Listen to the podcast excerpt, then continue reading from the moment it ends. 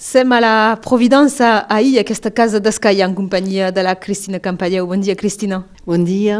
Ja està, s'ha acabat aquesta exposició eh, de la qual ja hem parlat, del, del Pascal Comalada, després de ser allargada, s'havia d'acabar abans de Nadal, finalment l'heu guardat. Quin primer balanç en fas eh, amb aquests no, no sé com dir-ho, aquests sotracs de, de confinaments, de cobrafocs.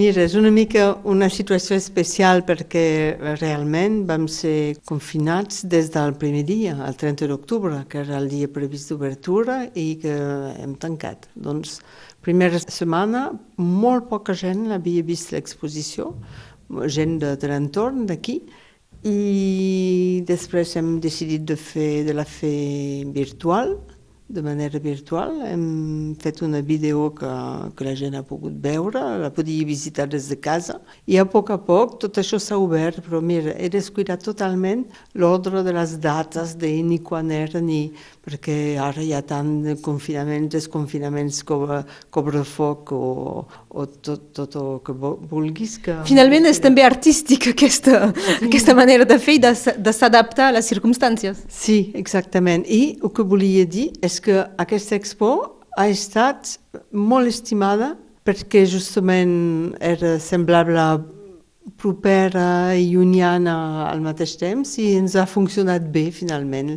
De, des del moment que la gent ha pogut sortir, hem vingut, hem tingut nens de, del, del col·legi Pierre Fouché, dia, tra, perquè tra, ara treballem junt amb el prof eh, de francès i el de català, que és natiu de Lleida, que és aquí per primer any, on fem molts tallers amb ell, i vet aquí, eh, una expo molt lúdica per la mainada, ens s'ha passat bé. Ha anat evolucionant també perquè com que és un, uh, un centre, la gent pot comprar la, les obres, doncs mentre la gent se n'emportava, uh, és a dir que, que hi ha hagut evolució.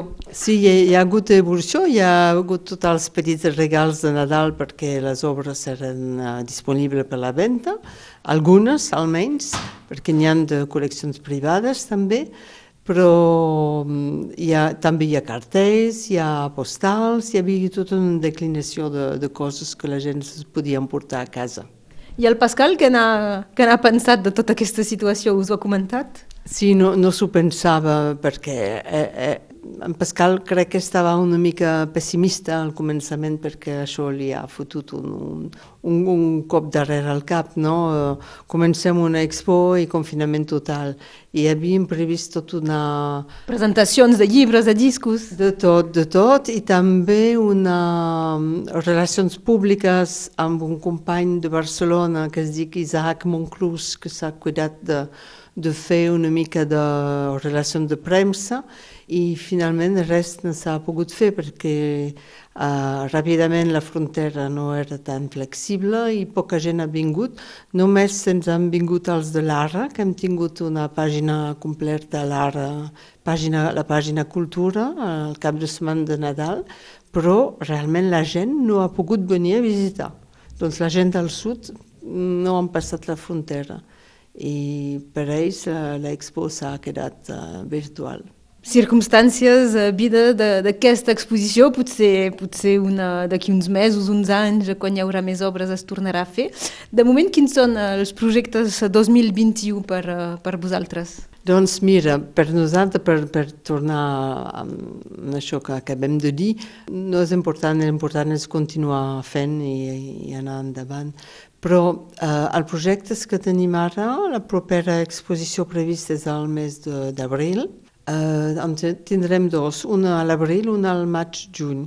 I la, són, són artistes franceses, perquè totes són dones, i doncs es faran aquí com es fa sempre. Després tenim una residència, perquè tenim un acord, un IGAM, des de fa poc amb un centre d'art de Menorca que es diu Esfar Cultural i amb el Convent Zero de Berga hem fet tots els tres com un, un club per fer residències itinerants i per primera vegada hem tingut una subvenció europea.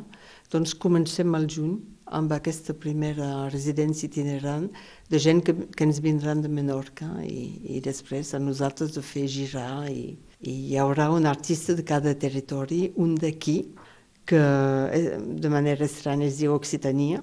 Som els occitans del projecte, imagina't. Uh, un, un de Catalunya, del Principat, i un de les Illes. Quan se concreti, quan ja tingueu uh, a punt la comunicació, les dates, els noms, doncs ja en tornarem a parlar aquí a Radio Arrels. Avui era un petit balanç d'aquesta exposició del, del Comelada i uh, moltes gràcies, Cristina Campadeu, i fins aviat. Fins aviat, gràcies.